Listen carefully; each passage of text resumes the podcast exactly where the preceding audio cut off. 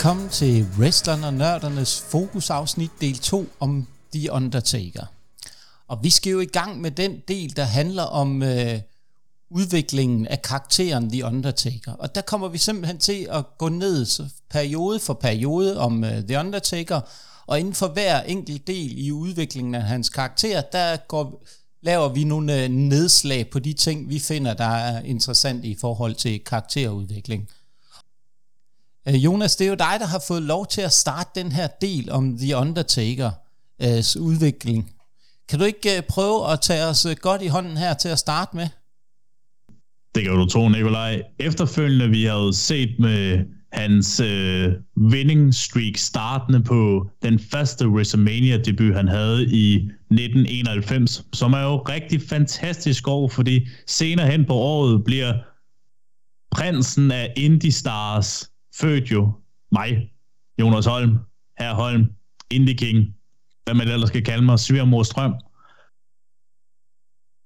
At øh, hans øh, første sejr i WrestleMania det år jo, det var jo ingen ringer end Jimmy Superfly Snooker, som var jo egentlig måske en lille smule overraskende. Måske han vandt over et så godt navn til at starte med i sin øh, meget berømte winning streak ved WrestleMania. Men man tænker også på det her år, jamen, var folk ikke begyndt at være trætte af selve den største stjerne af dem alle, Hulk Hogan? Fordi Hulk Hogan, jeg tror, ligesom alle andre, han er jo måske dengang svar på John Cena, at folk begyndte at lidt blive trætte af ham, bue af ham, fordi det er, som man siger på godt engelsk, same old shit. Og så er det jo der, at vi ser i Survivor Series samme år, hvor at uh, Undertaker får en titelskud efter kun et år. Hvor tit så man egentlig det dengang i 90'erne, måske lige start 90'erne i 80'erne, fordi jeg synes ikke, at man ser det ofte. Det ved jeg ikke lige, om man lige kan lægge ord til det, men, men mindre du kan sige noget, Kim. Altså, der var masser, der fik titelskud hurtigt, men der var ikke ret mange, der vandt titlen nu. Nej, lige præcis. Så, og det var jo der, at uh, Undertaker vandt sin første titel, WWE-titlet, som det hed dengang, over Hulk Hogan. Men som Nikolaj Wagman altid lægger på. Det var jo ikke med uden snyd, så Nature Boy, Ric Flair kom ind og hjalp The Undertaker med at vinde titlen, med at uh, Hulk Hogan lavede en, eller ja, meget fæsen Tombstone Piledriver til et, uh, mod et uh, stol, som, hvor han egentlig bare rystede meget krom. Det så meget, uh, øh, ja, det så lidt underligt ud, den måde, han sælger det på, men Ja, han fik titlen, og der var faktisk en okay reaktion på det, med Undertaker vandt titlen på det tidspunkt. Øhm, så man kan jo sige, at øh, det overraskede måske lidt mange, måske han mistede titlen efter en måned kun. Jeg ved ikke, om der var nogle øh, diskussioner dengang om, øh, hvorfor han tabte titlen hurtigt. Er det noget, du øh, ved, Kim? Jeg ved, at øh, Hogan sagde, at han var blevet skadet på den der tombstone. Jamen, han var jo ikke engang blevet ramt af den jo og det faktisk var ved at øh, ramme Undertakers karriere lidt på det tidspunkt, at øh, folk ligesom tænker, åh, det er godt at han ikke er så god, som vi egentlig regnet med. Så det er faktisk derfor, Undertaker er lidt sur på Hogan. Fordi har faktisk var ved at ødelægge hans øh, karriere, inden næsten var kommet i gang. Men altså, som man kan se, så er han jo øh, nok 30 meter fra at ramme noget som helst med, med Hulk Hogan, i hvert fald på den stol. Så jeg tror ikke, der er nogen tvivl om, at det var nok lige Hogan, der, der forsøgte at beholde hans topspot lidt længere tid. Man kan jo nærmest bruge øh, mange timer på at lave et næste afsnit af fokusafsnit på Hulk Hogan og alle de øh, ting, han bliver bemærket på, for det, det der, det var i hvert fald en af dem dengang.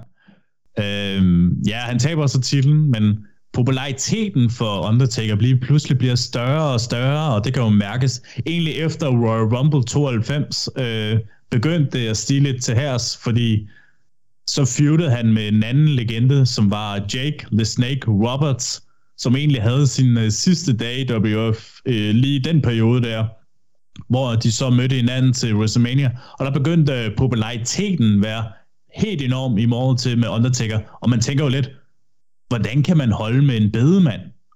Altså, det er der ikke lige frem noget, der er lige just, at uh, man bare lige kan gøre, fordi...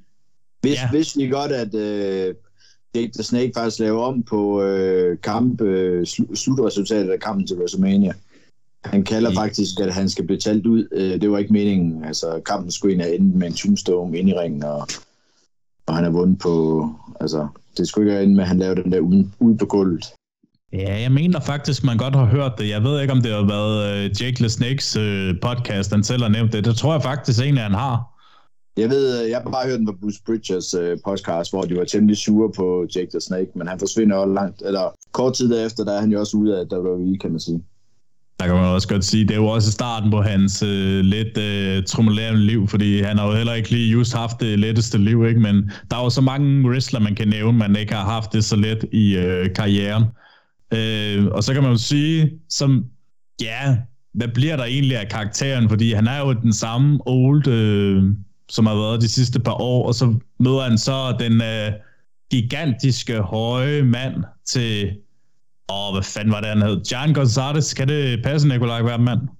Det er fuldstændig korrekt, Jonas. Det er, der er ingen tvivl om en, uh, en kæmpe i mere end en forstand på den tid. Ja, det var uh, 90'ernes Kenny Omega. Nå, jeg, jeg havde tækket på Omars. Øh, det var 90'ernes Omars. Jamen, jeg kan godt høre, at Kim har, øh, måske skal have en lille smule i forhold til det der med størrelsesforhold. Du har fuldstændig ret, Kim, at øh, Kenny Omega er stor, men han er stor, fordi han er en god wrestler, ikke fordi han er høj. Det var bare sådan, vi lige fik det var fakta bare, på det var plads. Wrestling, det var wrestling-evnerne, jeg tænkte på. Det var ikke selve størrelsen.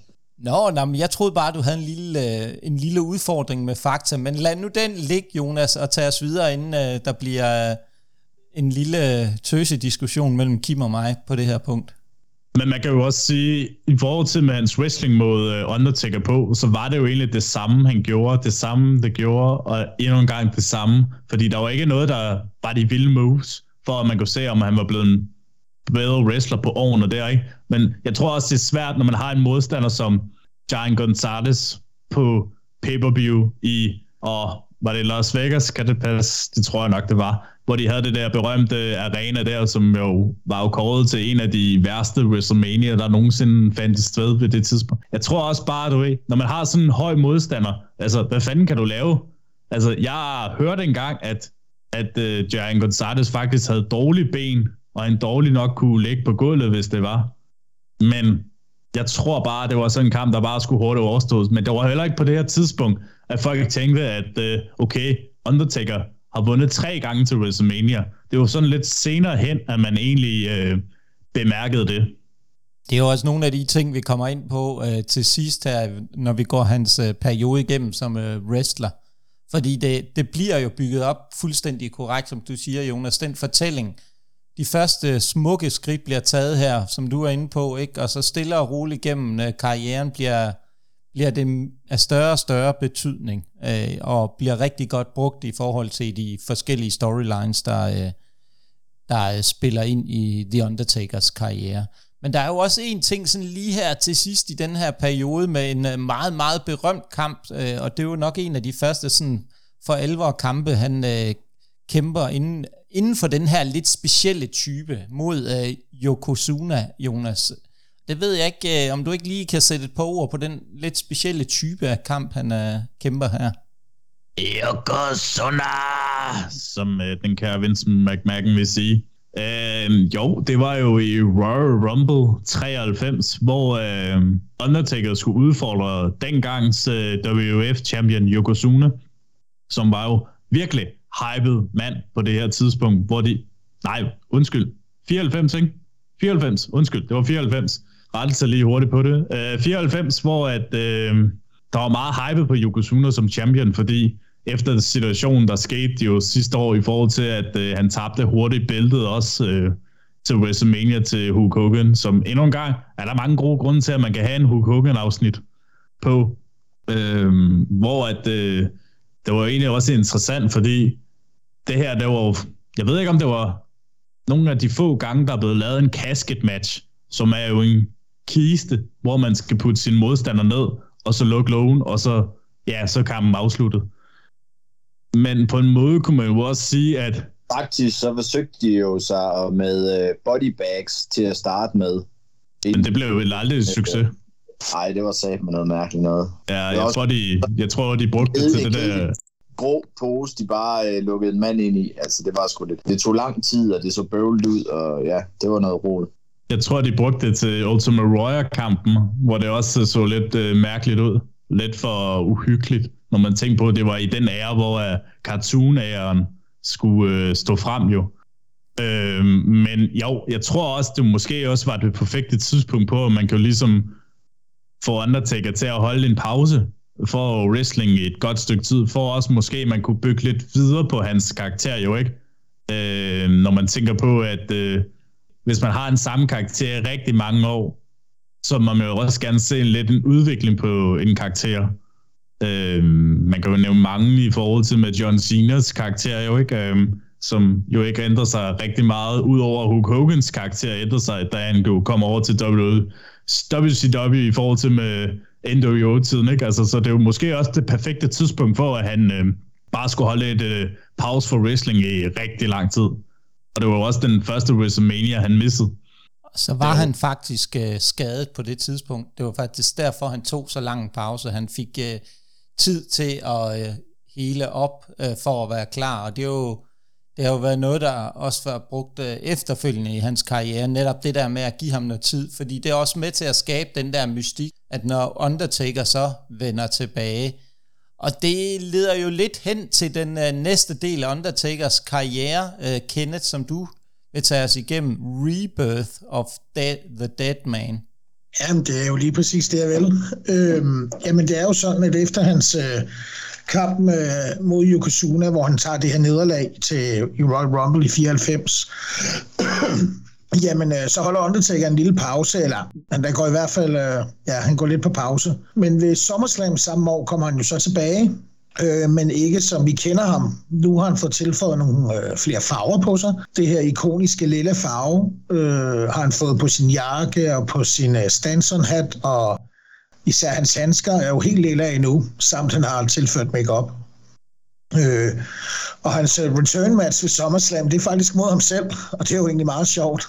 Og, men det var et led i en storyline, hvor at, øh, der var en falsk Undertaker, eller Underfaker, som de var så smarte at kalde ham, øh, og som faktisk var en, der hed øh, Brian Lee, som i virkeligheden er Undertakers fætter, så det er meget sjovt. Øh, men der er jo selvfølgelig kun en rigtig Undertaker, og de havde så den her kasket, øh, øh, eller de havde ikke en kasket match, men øh, de står i ringen, øh, Undertaker og Ted DiBiase, mener jeg det er, øh, står sammen i ringen, og så kommer Paul Bear og med en øh, kiste rullende ud, og så lige pludselig så har vi jo selvfølgelig den rigtige Undertaker. Øhm, ikke en særlig god kamp, og Undertaker ender med at vinde den. Øhm, og så så man ikke så meget mere til ham Undertaker siden da. Øh, og lidt efter det, jamen, så genoptog han sin feud mod Yokozuna der, som vi har hørt lidt om før. Øh, men han blev skadet i næseregionen, øh, fordi at på et tidspunkt, hvor de kæmper, så kommer en, der hedder King Marble med. Det har vi også kender som Viscera, hvis jeg ikke så meget fejl. Øh, senere hen hedder han Viscera. Og ham her, King Marble, han laver et, et, et, skal lave et jump eller en, en body splash på ham, og der rammer han altså ham i hovedet, og det gør, at han brækker i noget op i, næse, i næseregionen. Så han ender med at skal på operationsbordet, men han kommer faktisk tilbage hurtigere, end man, man havde lige forventet og han kæmper så en uh, ny casket match mod Marvel her, King Marvel, øh, som han så vinder øh, heldigvis i den her omgang. Og han ender faktisk med både at kaste Marvel ned i kisten og Marvels manager, som jeg desværre ikke lige har navnet på. Han kæmpede så videre i, i den her periode. Øh, det skal lige siges, når han kom tilbage den her gang, så havde han jo lige pludselig en maske på. Og det er det eneste tidspunkt, han har haft den her maske øh, i hele sin karriere i WWE. Så, så det var også rigtig spændende. Dengang var det et øh, kæmpe ting, at han kom ind med den her maske. Det så helt uhyggeligt ud, og ja, hvad kan man sige? Det, der er vel lidt Phantom of the Opera over masken i en eller anden designsmæssig forstand. Så, så øh, det, var, det var helt perfekt skudt til ham og hans karakter. Øhm, og så efterfølgende, jamen, så kæmper han selvfølgelig nogle andre feuds, men kommer så i feud med Mankind i 96.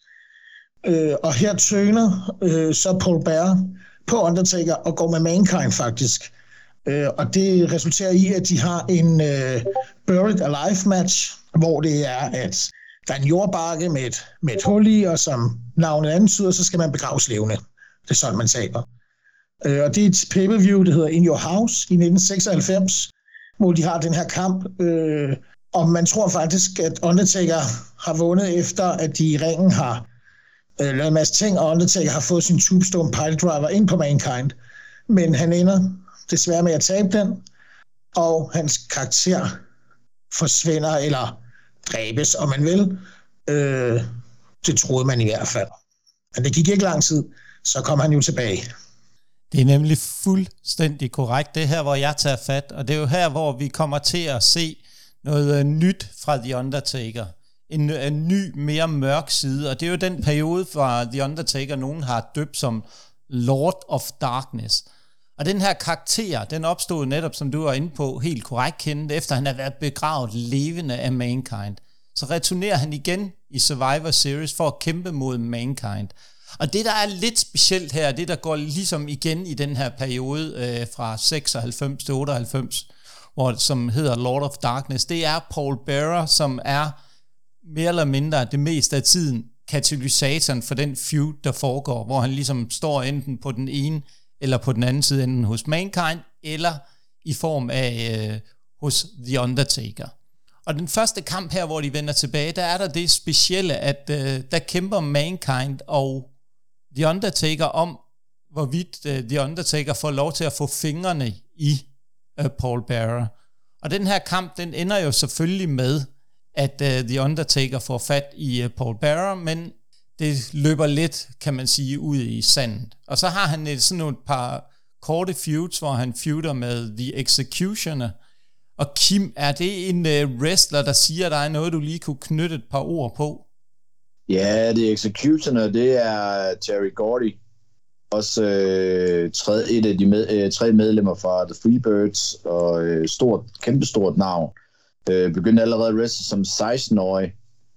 Øh, var spået en øh, kæmpe fremtid øh, i, i wrestling. Øh, kæmpe navn i Japan også. Og, men øh, ja, øh, på det her tidspunkt har han jo faktisk øh, haft et... Øh, stort øh, øh, øh, hvad hedder det, hjerneblødning øh, på grund af stoffer på en flytur til øh, Japan. Så han er ikke meget værd på det her tidspunkt, desværre. Totalt øh, næsten helt hjerneskadet. Så de, øh, han bliver hyret lidt ind, øh, fordi blandt andet Undertaker gerne vil øh, hjælpe ham lidt. Øh, men, men han er ikke meget værd på det her tidspunkt, desværre. Og dør også øh, kort tid efter. Det er jo også en uh, super trist historie. Og så den anden, han ligesom har en kort feud med her, det er jo den gode Vader. Og han var jo en meget speciel wrestler med et meget specielt headgear, Kim. Kan du ikke uh, prøve at knytte lidt et par ord om, uh, hvem uh, Vader er og var i den her periode?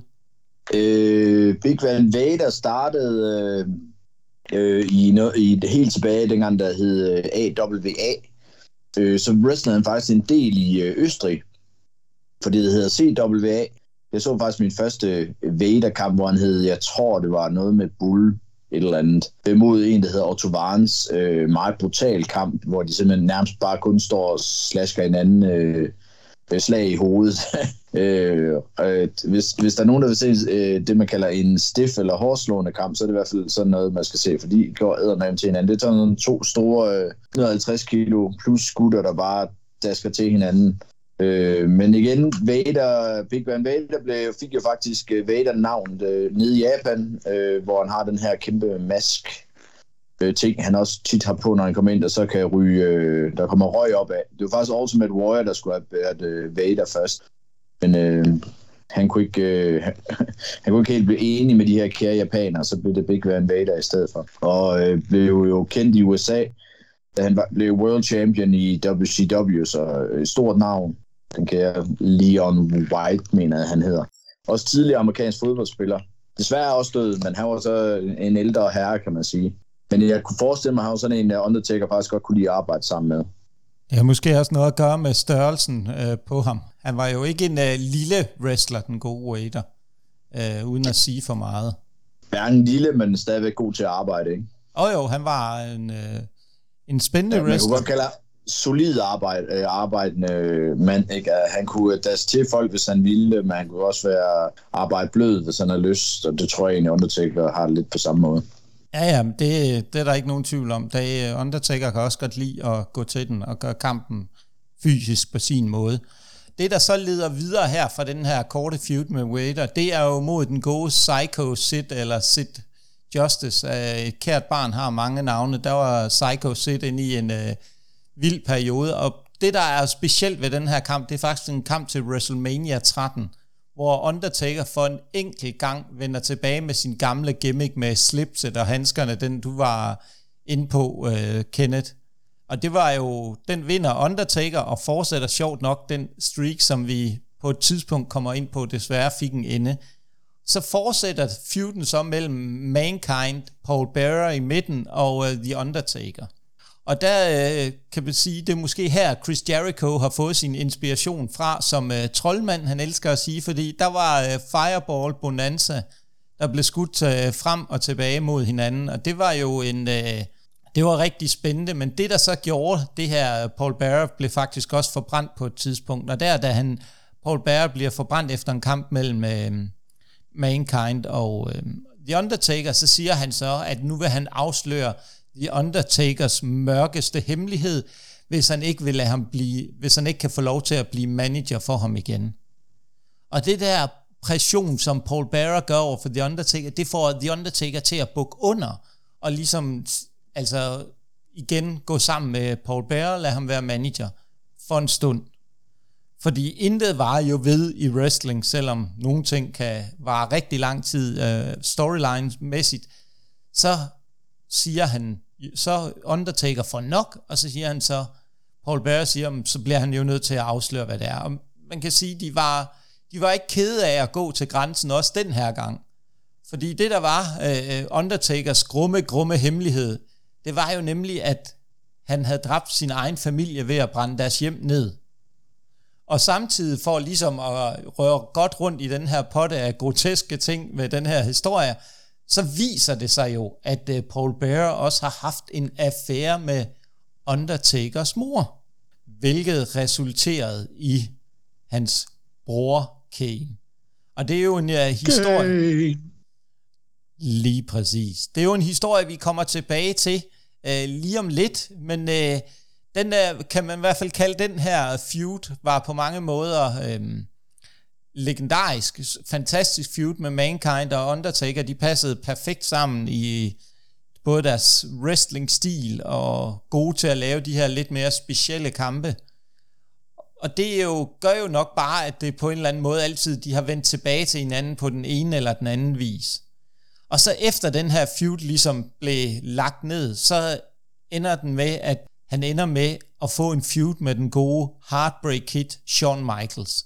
Og den feud, den starter nemlig ved, at øh, Shawn Michaels grundet en fejl rammer Taker med en stol, og ikke Bret Hart, som egentlig var meningen her. Og højdepunktet i den her feud mellem Shawn Michaels og Undertaker på det her tidspunkt, det var sjovt nok igen, så vender vi tilbage til det, en casket match i Royal Rumble, hvor det ender med, at Kane, han øh, tøner på Taker, og hjælper Shawn Michaels til sejr. Og så kommer vi jo frem til WrestleMania 14, hvor vi så får den første kamp mellem Undertaker og Kane. Og øh, sjovt nok, øh, Jonas, hvordan tror du, den kamp endte? Uh, det var jo en kamp, der var jo spændende at se, hvem der kunne vinde den, om der er egentlig nogen, der kunne slå Undertaker i WrestleMania, men det var der ikke. Fuldstændig korrekt, den her, den tager Undertaker også, men det der jo gør det her endnu mere spændende, det er kamp nummer to mellem dem, øh, hvor det er en berømt Inferno-match. Og så tænker man, hvad er, var en Inferno-match på det her tidspunkt? Jamen, der handlede det faktisk om, at vinderen var den, der kunne få tændt ild til den anden. Øh, og den vinder Undertaker også ved at få sat ild til Kanes arm. Og så skal vi jo videre i den her øh, Undertakers udvikling, og vi skal over til Ministry of Darkness. Og det er jo ligesom der, The Ministry of Darkness starter. Det er, der bliver han genforenet med øh, Paul Bearer, og de truer med, at de vil frigive nu den her, det her mystiske Ministry of Darkness. Og øh, ja, så må lad os komme videre til den. Ja, og så kan man sige, det sidste her i Undertakers, øh, den her periode, Lord of Darkness, det er, hvor Undertaker i 1998, der tønder han heel, hvorved han genforenes med den ikoniske manager, som har været meget definerende for den her periode for Undertaker, det er, at han genforenes med Paul Bearer, men trussel om, at de vil frigive deres Ministry of Darkness. Og hvad er der at fortælle om den her spændende periode, Jonas? Jeg tror også, den her spændende periode for også at se, at øh, uh, The Undertaker, han skulle være bad guy igen. Han skulle være heel, men meget mere ond karakter, som man ikke har set på hans side nogensinde før. Og det var også der, at øh, det var en rigtig måde at gøre det på, for at skifte hans øh, interim music for den sags skyld, fordi hans interim music var bare kendt som, du ved, dong, og så den der sørgelig musik til, at der kommer en bedemand og skal tage dig af dig. Så er det jo også den perfekte måde, de gjorde det på, fordi det lød meget mere uhyggeligt. Og det tror jeg også, det er den, der skulle gøre det til, at man tænker, uh, nu kommer lige Undertaker, den onde mand. Umiddelbart, så var det jo også på et tidspunkt, hvor han prøver at reunite, eller reunite kan man jo ikke sådan rigtig sige, fordi han har jo aldrig været tag team med, Kane her, ikke? Så det er der, de prøver ligesom at rette sig sammen for at tilindegøre den øh, mest populære mand, der var i slut 90'erne. Stone Cold Steve Austin, som er jo her populære på det tidspunkt her. Og de vil jo ligesom prøve at gøre det af med ham. De vil sige, vi vil have din titel. Og det var jo der, kombinationen var jo spændende at se, fordi de ville jo prøve at se, hvem er det, der skulle være champion her, men de kunne simpelthen ikke øh, finde ud af, at... Øh, fordi der var jo en Unforgiven kamp i forhold til... Nej, ikke Unforgiven. Jeg, jeg kan ikke huske, hvad people hed. In Your House. Øhm, hvor de havde en triple threat match uh, The Undertaker, Kane og Steve Austin.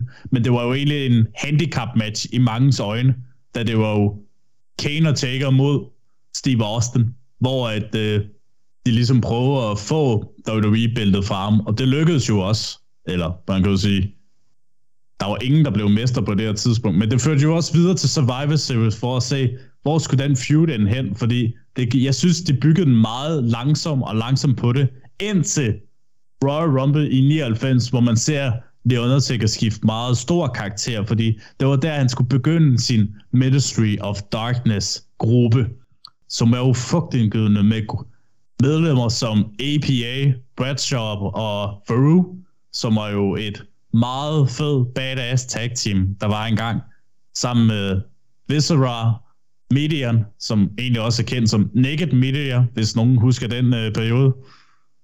Nej, godt, super, det tror jeg heller ikke nogen vil mindes om, øh, at øh, han var den karakter. Men også, at de havde Le Brood med Gangrel og et øh, velkendte øh, navne, der var dengang, som Edge and Christian. Det var jo nok det fedeste øh, gruppe, der var dengang, altså Le Blood. Også en badass musik, de havde dengang, så det jo passe helt godt ind til dem, at øh, de var kommet ind i den gruppe, og det virkede også meget lovende, den her gruppe, og de skulle være frygtindgydende, fordi hver enkelt show så det, at lyset gik ud, og så blev der mange wrestler blev angrebet, og man skulle prøve at se, at Leon Undertaker overtog den kontrol, og han skulle sige, det er mit show hver eneste gang. Og det var også bare, jeg kunne lide det, at de havde den periode der, men jeg kunne ikke lide det, at øh, en vis øh, Vince McMahon skulle blande sig ind i det, hvor de lige pludselig lavede øh, det mest fejlagtige at gøre, at lave The Ministry of Corporation. Kan det passe, det hedder det? Forfærdeligt. Forfærdeligt storyline. Altså, de kunne have gjort det så meget bedre. Hvilken uh, AEW wrestler skulle have, været, uh, skulle have været chefen for det her, i stedet for Vince McMahon til at starte med? Det ved jeg. Det ved jeg. Sagde du den bare, Jonas? Christopher Daniels. Nemlig rigtigt. The Fallen Angel. Christopher Daniels, lige præcis. Og lige styr på din uh, teknik der, Nikolaj. Det er direkte pinligt, du ikke kan finde ud af at slå lyd fra eller til, mand. Jesus Christ. Godt. Nå, Kim, men vi, Jeg elsker også dig. men vi kommer ind i perioden her, så skulle uh, The Undertaker så få sin tredje uh, WWF title, han så vandt over Stone Cold Steve Austin i den mest omtalte pay-per-view, der jo nogensinde vil finde sted, fordi det var den samme aften, hvor det tragiske skete, at Owen Hart mistede livet i en forfærdelig, forfærdelig ulykke. Øhm, jeg ved ikke, om det var det rette tidspunkt for, om Undertaker skulle have sin tredje titel. Altså måske for at være se magtfuld ud og det, men han holdt ikke særlig bæltet i lang tid, da det kom så videre tilbage igen til Stone Cold Steve Austin, hvor de så også feudede lidt, men det var som om, at at hans karakter var ikke nok øh, til at slå igennem i forhold til at være den onde øh, bad guy. Fordi så endte det jo også med, at han øh, kom i tag team med øh, The Big Show, hvor de gjorde sig i tag team.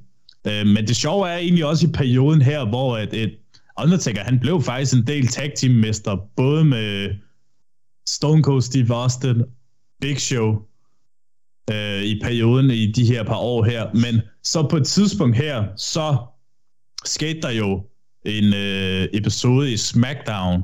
Det var lige, hvor SmackDown var opstået, hvor at øh, Undertaker siger, jeg har nok af det her, og egentlig bare skrider ud. Og hvad jeg tror faktisk, at øh, Vince McMahon siger, you're fire. Ah, that's fine. I'm just leaving anyway. Og det er der, at The Undertaker bliver væk et rigtig godt stykke tid. Fordi der var vist noget med, at øh, han ikke var helt enig med kontrakten, altså i, i den virkelige verden. Han var ikke enig med at skrive en ny kontrakt, og det var også spørgsmålet derom, at han vil ryge til WCW, som øh, vi snakker om i sidste episode her i del 1. Så det var spørgsmålet bare at sige, hvad skulle der ske med Lee Undertaker efter det her? Det er jo der, Kenneth, hvor du vil fortælle lidt om uh, perioden som American Badass. Ja, men det er det der. Jamen i år 2000, uh, øh, The Judgment Day, da de havde det pay-per-view, jamen øh, der kom Undertaker tilbage, og han var faktisk kommet tilbage for en øh, lyskeskade, han blandt andet haft på det en tidspunkt. øhm, men det var nu en, øh, en helt anderledes og ny udgave igen, han kom tilbage. Fordi nu var han jo lige, som du selv sagde, Nikolaj, blevet The American Badass ved Undertaker. Han kom nu ind med bandana på. Han kom ind til rockmusik. Han kom på sin motorcykel, solbriller og lædervest. Så man kan sige, at han havde jo hele den her rocker-attitude, motorcykel, øh, bande attitude på sig. Og jeg synes jo, det er helt klart, at her man virkelig ser hans talent i den her tid, hvor at det hele eksploderer med mange, mange fede feuds, han har på kryds og tværs. Hans kone blev faktisk også en del af det, af det at, øh, at setup eller karakteren. Og det gjorde man, fordi at man tænkte, at i stedet for den her meget mørke, dystre, måske onde stemme, så var de nødt til at have noget lidt mere normalt, og derfor fik man faktisk hans daværende kone med ind over. Øh, og som sagt, han havde en masse klassiske kampe i den tid, og øh, vildeste af dem alle, hvis man kan sige det, det har jo været mod Stone Cold Steve Austin. Han havde en, øh, sin legendariske seksmand-kamp i Hell in the Cell, hvor han kaster Rikishi ud fra toppen af cellen. Altså, vi snakker... Ja, hvor stor er sådan en celle der, tror du, Kim? Hvis man lige skulle have dig med ind over. Jeg ved ikke lige nøjagtigt, hvor høj in the Cell er, men uh, lad os bare sige, at den er nok, uh, det ved jeg sgu ikke, 8, 8 meter, eller hvad? Ja, det skal, det skal nok passe meget godt. Og hvor han så bare tæver ham ud over, og så ned i en, uh, i en åben trok, hvor der er sådan nogle træsboner i og sådan noget. Og jeg kan huske, at det var et af de første klip, jeg så, inden at jeg selv havde sådan rigtig fulgt med i uh, wrestling. Og så så man det klip der, og det er jo fuldstændig vanvittigt. Altså, hold nu op, hvor var det fedt. Og jeg kan huske, jeg har prøvet at gengive det tusindvis af gange, øh, når jeg sidder og spillet spillet på Playstation. Øhm, men der er også hans, der, der hans, hans comeback i den tid, hvor han kommer ud som den her nye badass øh, karakter. Jamen, der tæver han faktisk mere eller mindre hele DX og McMahon-familien ind i ringen, og publikum går amok, og det er, det, det, det er et fedt segment at se, og det er klart anbefales at se det, hvis man har interesse i det. Øhm, og hvad kan man ellers sige? Så der er jo rigtig mange andre mindeværdige kampe. Han mødte faktisk, øh, ja, vel nærmest hele eliten dengang. Altså lige fra Brock Lesnar til øh, Kurt Angle, Jeff Hardy, The Rock. Øh, han kørte så rundt, øh, Hulk Hogan, han kørte sågar rundt med Hulk Hogan spændt fast på hans motorcykel. Øh, så man bare kan se Hulk Hogan, han bare ligger og kurer hen ad gulvet, og til sidst bliver banket ind i en, øh, en masse papkasser og nogle jernrør og lidt af hvert. Så det, det var en super fed tid med mange, mange fede kampe. Øh, meget hardcore kampe i, i, i blandt. Altså ikke, at det selve stipulation har været en hardcore match, men der skete rigtig mange ting. Øh, Stone Cold blandt andet bliver kastet igennem en, en der, de har en hardcore match der i hvert fald, hvor han bliver kastet igennem en glasrude, og øh, Brock Lesnar bliver kastet igennem selve øh, setup'et, de har i front stage. Øh, ja, men der er simpelthen så mange ting. Jeff Hardy får en, øh, øh en last man's ride øh, ud over øh, øh, selve hvad kalder man det, rapport, der hvor de kommer ud og, øh, og står på stagen, når de kommer og bliver præsenteret. Så der var, der var rigtig fed ting dengang, men det var også en tid, hvor at, øh, han også fik en ny tag partner. Øh, og det var jo i, som senere blev kendt som The Brothers of Destruction. Og det var selvfølgelig med hans bror Kane, han fik det her tag team. Og det var vist begyndt lidt i 90'erne, man havde vist snuset lidt til det i 90'erne. Øh, men det var i hvert fald øh, i den her periode, at det stadig fungerede. Øh, og de nåede faktisk at vinde to WWF-titler og en af WCW Tag Team Championship. Og de to WWF Tag Team titler selvfølgelig. Deres team holdt aldrig særlig længe, og det var meget op og ned, og meget grunden til det siger, at man skal finde sig i den her barndom, som du fortalte lidt om tidligere, Nikolaj. Øhm, ja, og så tønede han jo sådan set på et tidspunkt øh, og blev The Big Evil, så det må være dit take, Nico. Det er fuldstændig rigtigt. Det bliver jo min del af det nu.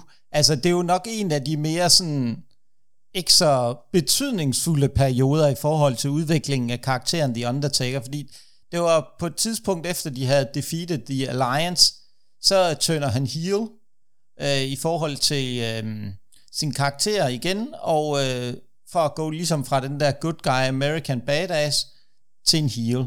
Men, øh, og det gør han ved ligesom det der big evil, hvor han øh, bliver lidt kort håret, bliver klippet, og øh, hans øh, prime som ligesom den her big evil, det var, da han øh, slår den gode RVD, Rob Van Dam, og han vinder WWF Hardcore Championship. Men det er jo ikke alt, der sker i den her periode. Han har jo nogle feud, og der har han jo en af de mere interessante feud i den her periode, det er jo med The People's Champion. Og øh, det er jo en wrestler, som jeg har gået og håbet på vil dukke op til uh, WrestleMania.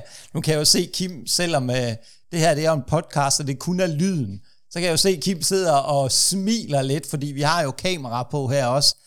Min drøm er jo ikke blevet slået i stykker endnu med at opleve The Rock, men uh, lad os nu se. Jeg tror stadigvæk, han får en rolle i den her, uh, i den her periode, når vi skal det, se. Jeg synes, det må være træls at være så desperat. Jamen, det er rigtigt, Kim. Jeg er også øh, desperat. Øhm, og den feud med The Rock, den havde jo ligesom sådan en øh, speciel ansporing. Den blev ansporet af, at han blev øh, elimineret, The Undertaker, en, kan man sige, af en, der hedder Maven. Og det er jo ikke en øh, wrestler, der sådan er kendt i den store offentlighed, Kim. Er det en, du lige kan prøve lige at fortælle vores lytter bare lige en kort om? Jamen, øh, Maven, var han ikke en, de øh, fik igennem det her ligesom, øh, hvad skal man sige, øh, rookie-program, de lavede, der hed øh, Tough Enough, eller hvad var det? Jeg kan ikke jo. huske, om det hed Tough Enough gang. Jo.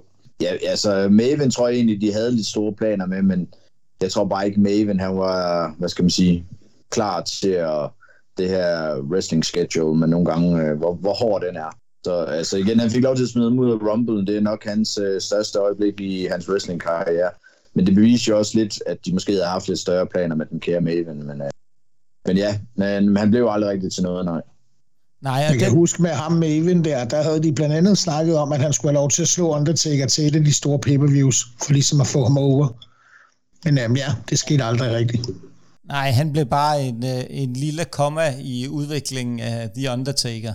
Og den, øh, den del med, at han blev elimineret med Even, den uh, brugte The Rock jo på fænomenal vis til at ligesom at anspore uh, og irritere The Undertaker øhm, og provokere ham. Og det endte jo så med selvfølgelig, at de skal have en øh, match, som The Rock vinder på grund af Ric Flair. Og der går det jo så over i en øh, feud med Ric Flair, som egentlig ikke var super mindeværdig og interessant at gå dybere ned i.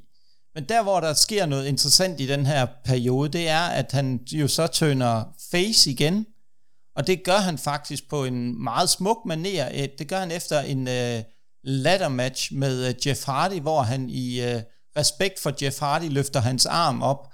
Og det er ligesom der, hvor det er, at han for alvor går tilbage til sit øh, face turn og bliver good guy igen øh, på mange måder.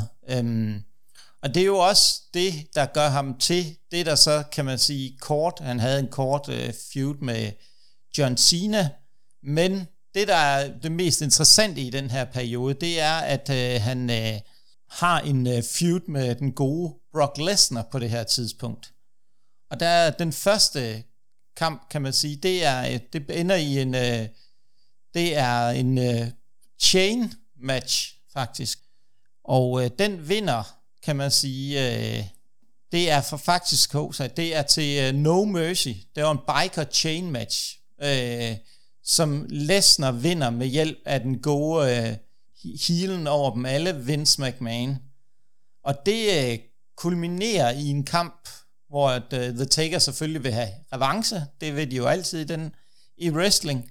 Hvor, hvor han skal have en øh, Barrett Alive match med, mod Vince McMahon.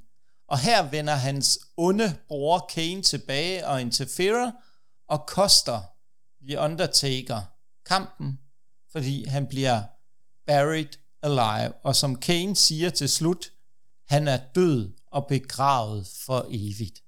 Men, men, men, Return of the Dead Man får vi så nu. Og det er jo uh, en, du skal tage os igennem, Jonas.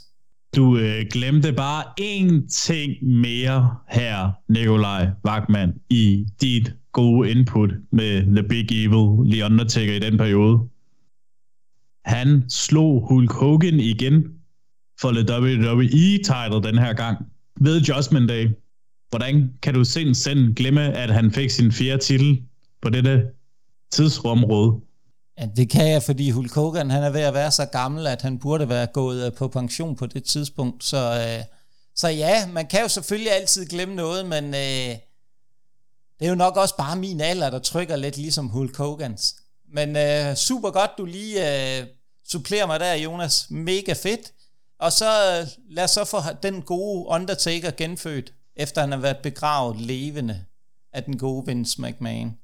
Det var nu øh, Kane, der begravede ham for, hvis man skal huske hele historien der. Og det er også det, der kommer meget godt til Kane, fordi da det nye år 2004 begyndte, det var jo nok en af de mere federe år med Russells Aggression Era, hvor at, øh, der kom lidt en teaser om, at uh, The Undertaker skulle komme tilbage, fordi der er jo kommet nogle sjove lys, der kommer en gang imellem, når Kane han kommer ind. Især ved Royal Rumble 2004 var der en interest, hvor der lige pludselig var mørkt, hvor at, øh, lige pludselig det lød som om, at Undertaker kom tilbage, men det var for at lave mind games med Kane, fordi så blev det lige pludselig offentliggjort, at øh, The Undertaker kom tilbage og skulle møde Kane, men man vidste jo ikke, hvad for en Undertaker man så det var jo ikke til at vide, hvordan han øh, kom ud. De havde bare lavet et sort billede, hvor der stod The Undertaker på, og de anede jo ikke, hvad for en de så til. Så kommer vi til selve WrestleMania øh, det år, hvor Kane kommer ud med sit øh, Flame Show, som man altid kommer ud til. Og så stod der mørkt i det hele i Madison Square Garden, hvor der så lige pludselig siger, oh, og man tænker, åh, kan han komme tilbage? Det gjorde den gode gamle Paul Bear, som er jo den legendariske manager for The Undertaker, så tænkte man, åh, og han har uren, som er jo meget velkendt, foran han har ind hver eneste kamp. Og der kom han, The Dead Man, The Undertaker tilbage. Og man tænkte også bare, oh, business just pick up, som en gamle kommentator vil sige. Og det var en Undertaker, der var brutal, Det var en, der var ude efter revanche, og det var jo der, man tænkte, uh, er det sådan karakteren kunne være? Og det blev det jo også. Han blev den, som man frygtede, kom tilbage igen til sit karakter, og man tænkte, når lyset gik ud, så stod Undertaker der. Det begyndte at komme efterhånden i den periode der, og havde nogle interessante feuds med Booker T. JBL kom det også til, og en lille mini feud med Booker T igen, og så med Guerrero og JBL i en periode, og så kom der en underlig feud med ham og Great.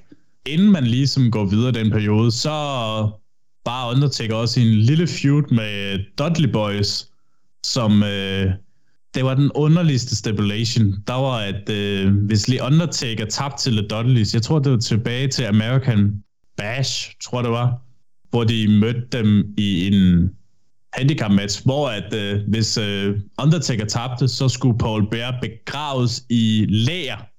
Altså vi snakker læger som i mursten læger.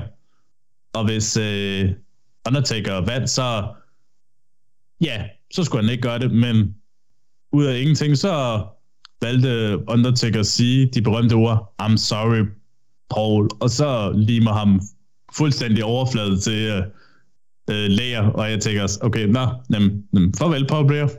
Og det var også sådan, ja, jeg havde det sådan lidt i en periode, hvor at der var ikke sådan rigtig de spændende feuds her, men så var det også den her periode her, hvor at hvor SmackDown og War var jo delt op, så kunne det jo spændende at se, om der skete en øh, uh, Raw vs. SmackDown match, og det gjorde det jo også ved en uh, meget fed feud mellem uh, Whitney Orton, The Legend Killer, som han var i den her periode, hvor han så mødte Leon Undertaker.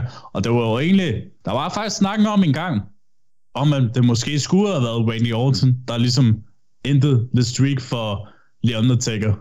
Uh, det blev jo så aldrig til noget, men det har man så hørt så mange gange før, at det skulle ske der. Altså, jeg vil jo sige, at uh, der har jo nok været snak om det, hver gang han har haft en kamp til WrestleMania, at han skulle tabe. Altså, men snak kan man jo altid komme med.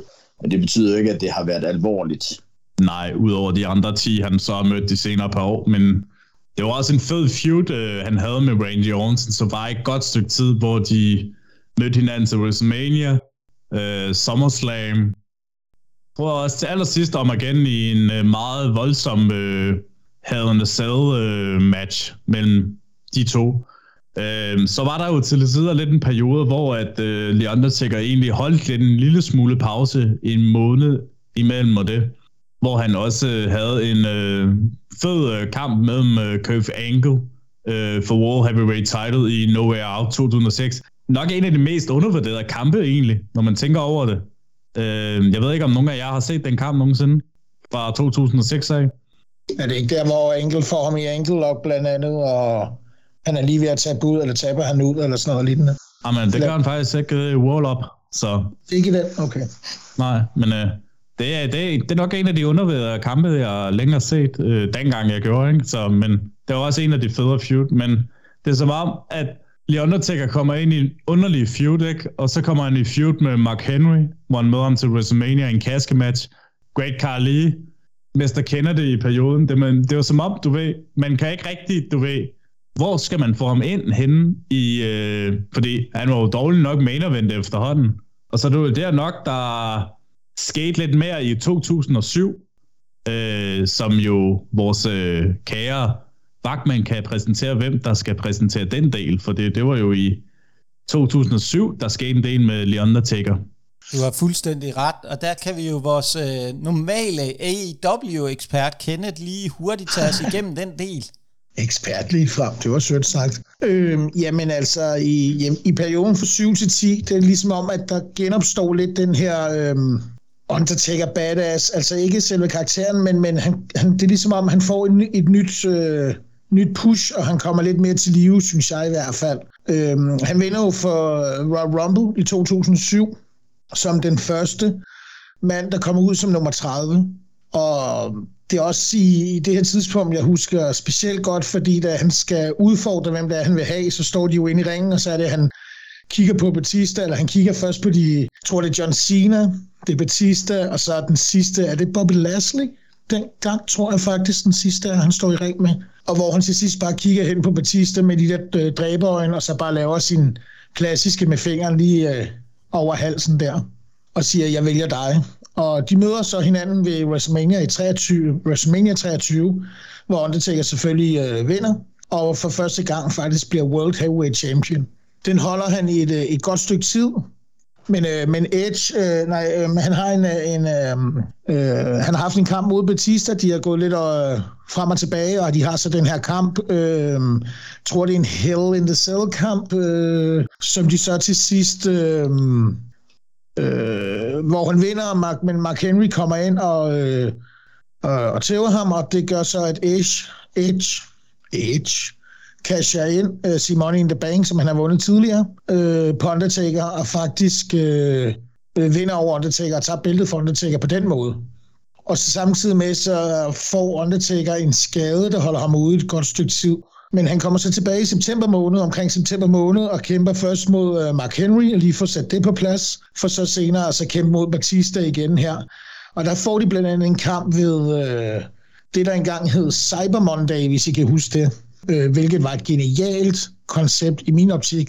øh, som de svært ikke har mere, hvor at øh, publikum får lov til at vælge stemme på, hvad for nogle stipulations der skal være om de her kampe, og der vælger de nemlig, at Stone Cold Steve Austin skal være special guest referee. Øhm, og på daværende tidspunkt er Batista blevet champion igen, mener jeg det var. Og Batista vinder faktisk clean over øh, Undertaker. Øh, og det er ikke særlig tit, folk har vundet clean over ham. Øh, der går lidt tid, så ved Survivor Series, så kæmper øh, de øh, endnu en gang, Batista og Undertaker, men her kommer Edge ind igen og blander sig, og det resulterer i, at Batista han kan retain sin, øh, sit bælte, og Undertaker han laver så Øh, både Edge, det var dengang, øh, hvis I kan huske, vores kære øh, Vicky Guerrero var med en del på roster. Forfærdeligt kvindemenneske. med hendes stemme. Det var genialt karakter i forhold til stemmen og det, hun kunne lave. Men øh, hun får faktisk en tubestone af Undertaker, som selvfølgelig sætter Edge under pres, og Edge har en fløjt kørende med Vicky Guerrero dengang. Senere på året vinder Undertaker Elimination Chamber og får så en ny øh, World Heavyweight Championship kamp ved WrestleMania, hvad bliver det sige, det må være 24 vel, øh, mod Edge, hvor han sådan set Øh, vinder på submission på den der, um, var det Hell's Gate, han kaldte den i sin tid, tror jeg. Det er, det er i hvert fald der, så, så går der jo, så, så, så er der jo en masse ting, der sker løbende. Det går meget frem og tilbage, men så i 2009, øh, i starten af 2009, der begynder ligesom øh, anden del af feuden med Shawn Michaels, som han havde også tilbage i øh, slut 90'erne. Øh, og det resulterer, det kommer så blandt andet af, at de main Royal Rumble, hvor Undertaker er inde som nummer et, og faktisk holder mere eller mindre hele vejen til slut. Jeg kan faktisk ikke huske, om han er blandt de to sidste. Det ved jeg ikke, om der er nogen af jer, der kan, kan fortælle om. Men han bliver i hvert fald smidt ud af Shawn Michaels. Og så er det lidt her, den, øh, den virkelig begynder feuden igen. Og det resulterer selvfølgelig i øh, to fantastiske kampe ved øh, WrestleMania, som, øh, som I alle jo nok kan huske som nok nogle af de bedste kampe overhovedet nogensinde i WWE i min optik, og det mener han selvfølgelig også, Undertaker. Det var vel kort og præcist. Det er der ikke nogen uh, tvivl om, Ken. Det var uh, spot on i forhold til netop den her del af Undertakers karriere, hvor vi begynder at bevæge os hen mod slutningen, eller i hvert fald det, tror, er vi mange, der tror kan være slutningen. Fordi der har jeg jo fået lov til ligesom at tage jer igennem den uh, sidste del af The Streak, inden den ligesom slutter øh, mod den gode Brock Lesnar. Og der er de sidste tre kampe på den her, kan man sige, på vej mod, hvor streaken bliver brudt. Det er den første, det er mod uh, Triple H, som er en Hell in a Cell match. Og uh, sjovt nok, den vinder The Undertaker. Og det, det ganske særlige er her, hvor at Shawn Michaels er special guest referee. Det øh, uh, særlige ved den her kamp er, at øh, de faktisk efter kampen er færdige og på vej op ad rampen, der krammer de alle tre, så helt så skidt har det ikke været øh, deres øh, feud. Og så er vores øh, gode ven jo af podcasten, eller det burde vi måske kalde ham, vi har i hvert fald øh, tidligere snakket rigtig godt og grundigt om den gode øh, CM Punk, Jonas, øh, som er også ender med en øh, kamp mod The Undertaker. Og CM Punk, han er jo en... Øh, mand, der ynder at sige, it's a clobbering time. Og jeg tror, han har, det må jo være inspiration fra The Thing. Og Punk, han er jo som Punk nogle gange er, men heldigvis så øh, lukker Undertaker også munden på Punk her og vinder. Det sidste, der så er, det er jo, at vi er tilbage til WrestleMania 30. Og efter 25 minutter og 3 F5, der bliver et af de mest chokerende øjeblikke i uh, wrestling historie en realitet. Jeg kan virkelig 25 minutter. Fordi uh, dengang vi så den, der var vi overrasket over, at den var så hurtigt færdig, kan jeg huske, uh, i sådan en tid. Det, Kim, det der jo også er med det der tidsramme uh, for, hvornår det er, nogle gange så tæller de jo også selve entrance med. Det tror jeg, de har gjort, hvis ja. uh, den har været 25 minutter, fordi altså, alle folk var først lige begyndt, du ved, sådan at tænke, nu begynder vi at nærme os de her near falls, og da den så sluttede, der, der, var ikke en, der var ikke en sjæl i hele den der arena, der havde regnet med, at kampen var overstået. Jeg kan bare huske, at alle stod bare måbet og tænkte, what the... Ja, hvad er det? Ah, det var klassisk. Ja, det, det var, var sindssygt at opleve. Det var et øh, vildt, vildt øjeblik, og jeg kunne huske også, at øh, jeg var dybt, dybt chokeret over, at det skete. Men en lille kuriositet i forhold til den her del, det er, at faktisk efter meget kort tid ind i kampen, der, øh, der fik Undertaker faktisk en hjernerystelse efter et par minutter. Man ved ikke præcis, hvornår, hvilket faktisk medførte, at efter kampen blev øh, Undertaker indlagt øh, på hospitalet for til observation på grund af den her øh, hjernerystelse. Så det gav jo rigtig god mening, at han ligesom øh, trak sig tilbage. Og man tænkte, det her, det var nok enden på The Undertakers øh, karriere, og det er jo her blev punktummet sat. Men, men, men. Han tog fem år mere. Der er jo en af Kims øh, favoritwrestler, han startede med at feude med. Den gode øh, Bray Wyatt, øhm, som to, hvor han havde en øh, kamp med The Undertaker til øh, WrestleMania, øh, hvor han laver to Tombstone Piledrivers og sender ham til at rest in peace. Og jeg ved ikke, om der er nogen af jer andre, der ligesom har nogle ting her, de I vil uh, tilføje i forhold til uh, Undertakers uh, sidste skridt i karrieren frem til 2020. Nej, altså, man kan jo... Jeg ved ikke, om jeg har det store tilføje, men altså, jeg synes... Øh, altså, hvis de har planlagt det lidt bedre, så skulle han først have stoppet karrieren, når han tabte kampen. Jeg synes ikke, han skulle have fortsat efter, at han havde tabt til WrestleMania. Nej, det var en skidt, øh, en skidt beslutning, de lavede dengang. Helt sikkert. Det har heldigvis ikke haft en stor betydning på eftermælet, når det kommer til stykket, men alligevel, det har været et, et øh, kan man sige, tragisk øh, punktum for The Undertakers karriere, men det er rigtige tidspunkt at gøre det på. Øhm, men der er jo altid noget, når der er saudiarabiske dollars spillet ind, som også jo gjorde, at han lige skulle have den sidste del med, inden han for alvor lagde øhm, sig selv til at rest in peace. Fordi det sluttede jo af på en eller anden måde med Boneyard-matchen med AJ Styles. Men vi bliver jo også nødt til ligesom at sige her, vi kan jo blive ved med at snakke og snakke og snakke, og der var jo også, da han øh, trak sig tilbage, og han kom i Hall of Fame, og der var et dokumentar, der hedder The Last Ride, hvor han ligesom for alvor 21. juni 2020 øh, annoncerer, at han trækker sig tilbage fra professionel wrestling. Og jeg synes, vi nu har vi jo øh, snakket rigtig men, meget Men, ja. never say never. Det er rigtigt. Det kan jo også være, at han returner til WrestleMania 39. Hvem ved? Hvem ved?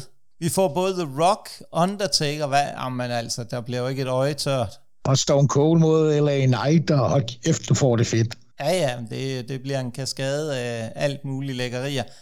Jamen, nu har vi ligesom øh, rundet vores øh, del af omkring øh, Undertakers karriere, gået meget minutiøst igennem den.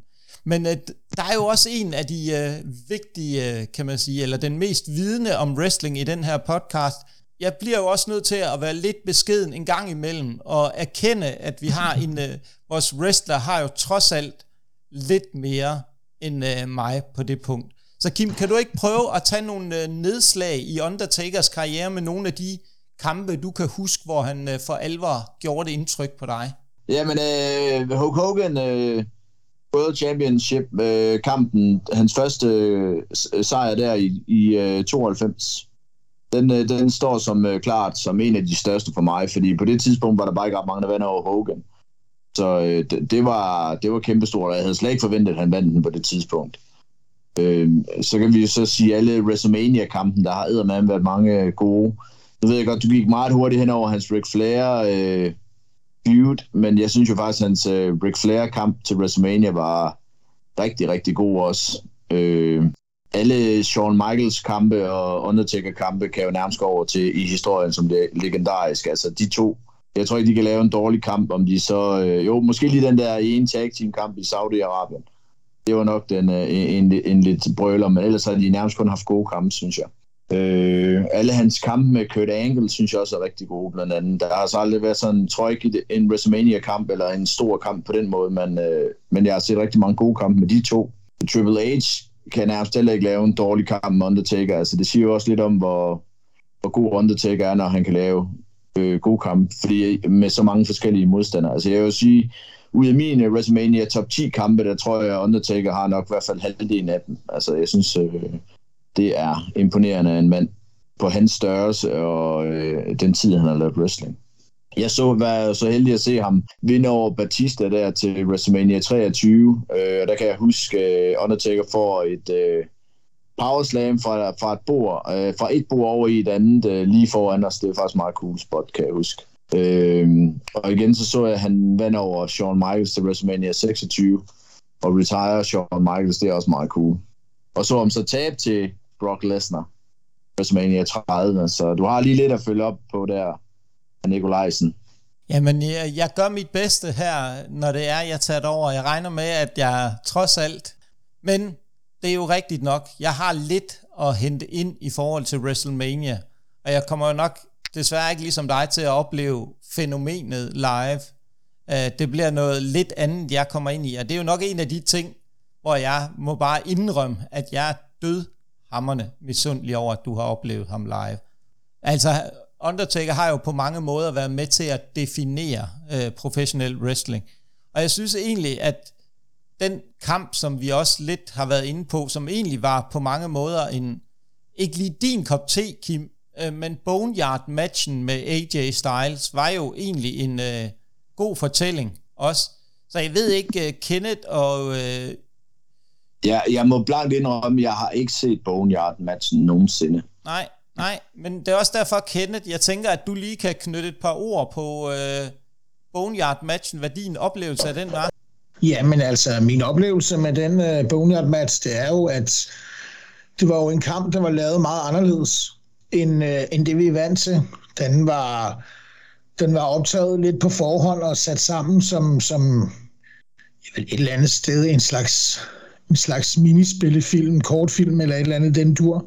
Øhm, og man kan sige, Undertaker lider jo meget af de skader, han har pådraget sig igennem siderne, og det gjorde jo netop, at at de var nødt til at tage en alternativ, men jeg ved, at AJ Styles var meget for at skulle kæmpe den her kamp, og det var i starten, som vidt jeg har kunnet øh, læse mig frem til, så vi ikke, ville faktisk ikke have den, men det var Undertaker selv, der til sidst sagde, jeg vil gerne have den her mod AJ.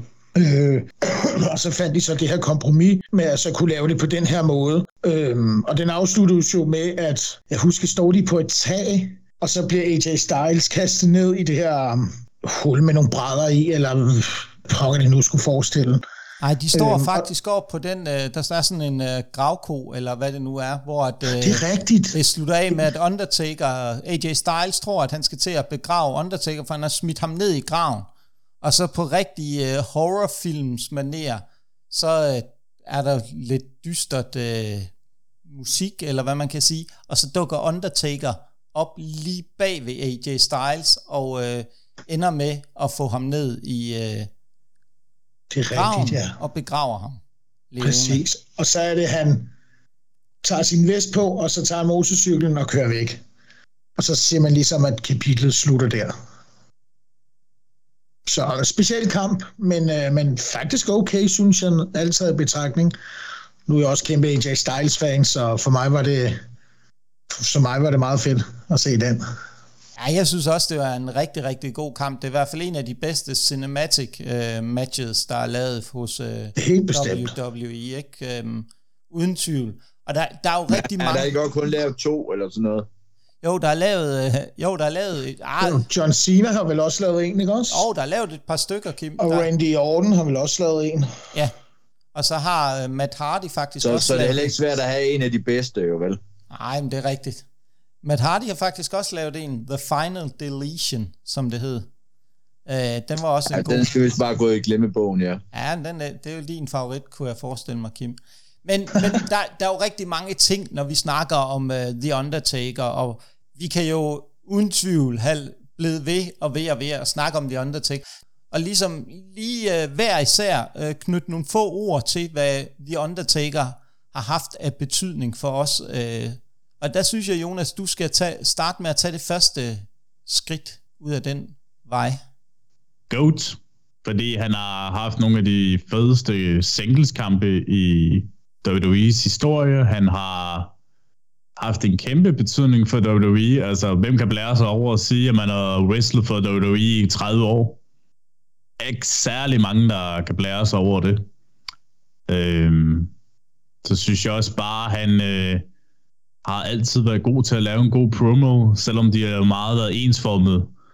Øh, så synes jeg også bare, at det er altid fedt at høre, at øh, når man siger, jeg laver wrestling podcast, og wrestling, ja, og de har lige Undertaker med også, ikke? Altså, så ved man jo bare, at lige Undertaker øh, er en, man altid vil huske, uanset om man kender wrestling eller ej. Altså, for mig vil han altid være, som jeg startede med at fortælle min mening om det, at han er GOAT, the greatest of all time.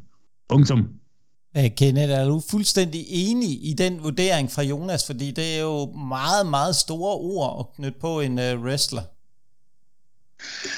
Mm, ja, yeah, det er faktisk til dels, men, men jeg synes måske, der er nogle andre wrestlere, som har, måske har gjort det bedre end ham, men det er i hvert fald enig i, at det er, det er den bedste karakter, der nogensinde er skabt, og den mest gennemførte karakter, man nogensinde har fået skabt sig. Øh, og det tror jeg også, uh, McMahon selv har ude at sige før, at uden Undertaker havde WWE ikke været der i dag. Fordi han gjorde så meget, og det er en karakter, bygget så meget op, og så, så for mig, jeg tror aldrig på, at der bliver en karakter, der bliver så gennemført igen, som han gjorde det. Øh, også fordi den var så speciel. Men uh, Greatest of All Time, jo, dem kan jeg, det kan jeg også godt købe, uh, sammen med et par stykker andre selvfølgelig. Men øh, fantastisk, Øh, jeg er bare glad for at opleve ham, inden han gik på pension, det må jeg skulle sige. Det, ja, Tubestone Pile Driver, Chokeslam, Last Rides, Old School, øh, øh uh, droppet, elbow drop og så videre. Men altså, fantastisk, øh, fantastisk wrestler. Kim, jeg synes også, du skal have lov til at sætte et par ord på den øh, gode øh, Undertaker. Jamen for mig er han også øh, blandt øh, de bedste øh, nogensinde, i hvert fald i WWE, øh, WF, eller hvad man nu siger, den, den tidshorisont, hvor han har været med, der har jo ikke været nogen, der, der har været større end ham, synes jeg, i WWE. Jeg synes, han er, øh, ja, han kan levere på alle mulige måder, og har jo stort set haft succes med alle hans gimmicks, og det, han er blevet smidt ind i feuds, øh, han har også haft mange svære kampe indimellem med mærkelige modstandere, ikke? men altså stadigvæk kommet ud af dem øh, uden øh, fans har mistet tiltroen til ham og sådan noget, så det betyder også meget for ens... Øh, altså det siger lidt om, hvor god han er. Altså jeg tror, man kommer aldrig til at se en som Undertaker igen, desværre. Apropos det der med, at du sagde, Kim, at øh, han kunne kæmpe mod alle. Han er vel også en af de eneste, der får Great Khali til at se okay ud i en øh, wrestlingring. Ja, altså jo igen, han har haft nogle, han har haft nogle meget vanskelige øh, modstandere indimellem, ikke? Øh, Giant Gonzalez, øh, Greg Carly, øh, ja, han har fået alle de der store misfreaks, der stort set ikke kan en skid, ikke? Øh, så, så jeg, jeg har nogle gange haft lidt ondt af ham med de kampe, han har haft, men, øh, men, men, aldrig, men han, har, han har aldrig selv set dårlig ud, synes jeg. Det kan godt være, at modstanderne ikke altid har set for god ud, men altså, han har aldrig set dårlig ud, synes jeg. Altså, det er jo nogle øh, rigtig flotte ord, og jeg er hele vejen rundt utrolig enig med jer i forhold til de ting.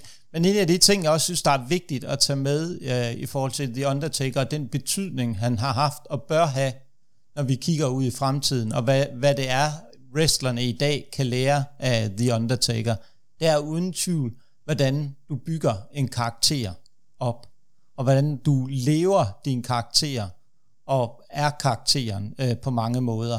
Han har jo i den grad defineret det, som jeg synes, vi også tidligere har snakket om i dag, og vi nok også lidt savner flere steder, også selv hos AEW, selv med øh, Kenny Omega, verdens bedste wrestler. Altså det der med at leve deres karakterer, at de ikke lægger billeder op på sociale medier, det har han faktisk selv været ude og udtale sig om, at man ikke lægger billeder op på sociale medier, hvor man øh, går rundt og sluder med en af dem, man har en feud med PT øh, on screen. Så det er jo det der med, han er indbefatningen af, hvad en god wrestling-karakter skal være. Han er, han er unik.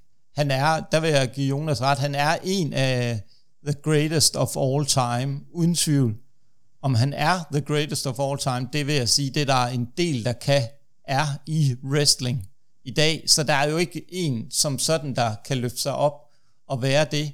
Men jeg tror bare, at som du også selv siger, vi har været heldige at have The Undertaker, mens øh, vi har fulgt, følger med i wrestling. Det har været en gave på mange måder, og det har været en, ja, det, der er ikke så meget mere at sige. Han har været en øh, gave til wrestling på alle mulige områder, så det er jo fantastisk. Og vi jo nu har vi været igennem, det her det bliver del 2 af fokusafsnittet. Det har været Øh, super, super spændende. Jeg vil sige, det er en fornøjelse at bruge tiden og dykke ned i en wrestler og finde ud af, hvor mange facetter en uh, wrestler som The Undertaker indeholder, og, og det han har været med til at gøre for wrestling generelt gennem 30 år. Det er jo også det unikke, at han er en af de få, der, selvom han var tæt på på et tidspunkt, har været med i øh, uh, WWF-WWE gennem hele sin øh, uh, 30-årige karriere. Det er været dybt imponerende. Og det er jo nu, at vi skal runde af og øh, sige øh, til jer lyttere, det er jo jer, der har været med til at bestemme det her afsnit, eller den her episode, dobbelt episode, som det bliver, med øh, om The Undertaker. Og der er ingen tvivl om, at øh, vi også vil komme til at tage fat i nogle af de andre. Det kan I vel også godt være enige om, at øh, vi vil nok også grave ned i både Hulk Hogan og Bret the Hitman Hart på et tidspunkt, uh, når tiden passer ind. Fordi det var jo nogle af de andre, øh, vi kiggede på. Det er I vel øh, friske på alle sammen, at vi tager fat i de to? Det er Selvfølgelig. Altid. Ja, det lyder godt. Og øh, jeg vil sige øh, til alle jer, der lytter med derude, tusind tak for jeres opbakning. Det betyder en verden for os. Det er fantastisk, at I, I skriver til os med kommentarer og feedback. Det sætter vi utrolig stor pris på. Og vi, vi gør jo det her, fordi vi har en kæmpe passion hver især øh, for wrestling, og, og en passion for at snakke om wrestling. Så det er jo den, vi ønsker at dele med jer lyttere. Og så kan jeg jo bare sige, at jeg føler mig jo også utrolig heldig, at jeg har øh, sådan tre fantastiske, dygtige medværter i form af Jonas Holm, som jo også, udover at have med i den her podcast, har to andre podcast, Jonas øh, Holms temasnak. Vi kunne herfra alle os kan anbefale at gå ind og lytte. Det er en fantastisk podcast, hvor Jonas han, øh, går i dybden med forskellige emner og forskellige personligheder inden for musik, Robinson og Kim har været inde og blive ristet lidt øh, wrestling. Og øh, den anden, du så også lige har taget de første skridt til, det kan vi også kun anbefale jer alle, jer der lytter med her, og tage et lyt til Jonas' øh, MMA på linjen. Er det ikke rigtigt, den hedder det, Jonas? Det er korrekt, som øh, tager fokus på de seneste nyheder i øh, MMA-verdenen, og også, haha, Kim han har lige en Nick Diaz-billede, Øh, fedt. Øh, og så også øh, tager fokus på de, de UFC-events, der har været i weekenderne, og så også øh, de kommende UFC-events. Så tag en lytter på det, hvis du er kæmpe MMA-fan, og fordi MMA skal ses live. Tusind tak for de pæne ord, Jonas. Og det bliver jo alt for den her gang, men inden vi lige runder af, så vil vi godt øh, opfordre jer til at gå ind og følge os på Facebook under Wrestleren og Nørderne, eller på Instagram, hvor vi øh, er mere internationale og hedder The Wrestler and the Nerds. Gå ind og følg os, fordi der bliver nyheder slået op, og vi annoncerer også, hvornår øh, de kommende episoder bliver frigivet. Så gå ind og følg os der, hvis I vil... Øh, Vær sikker på ikke at gå glip af en af de her fantastiske episoder om The Undertaker. Og så en lille sidste ting, så vil vi godt opfordre alle jer wrestling-fans derude til at gå ind og opleve dansk wrestling, fordi det skal uden tvivl opleves live. Tusind tak, fordi I lytter med.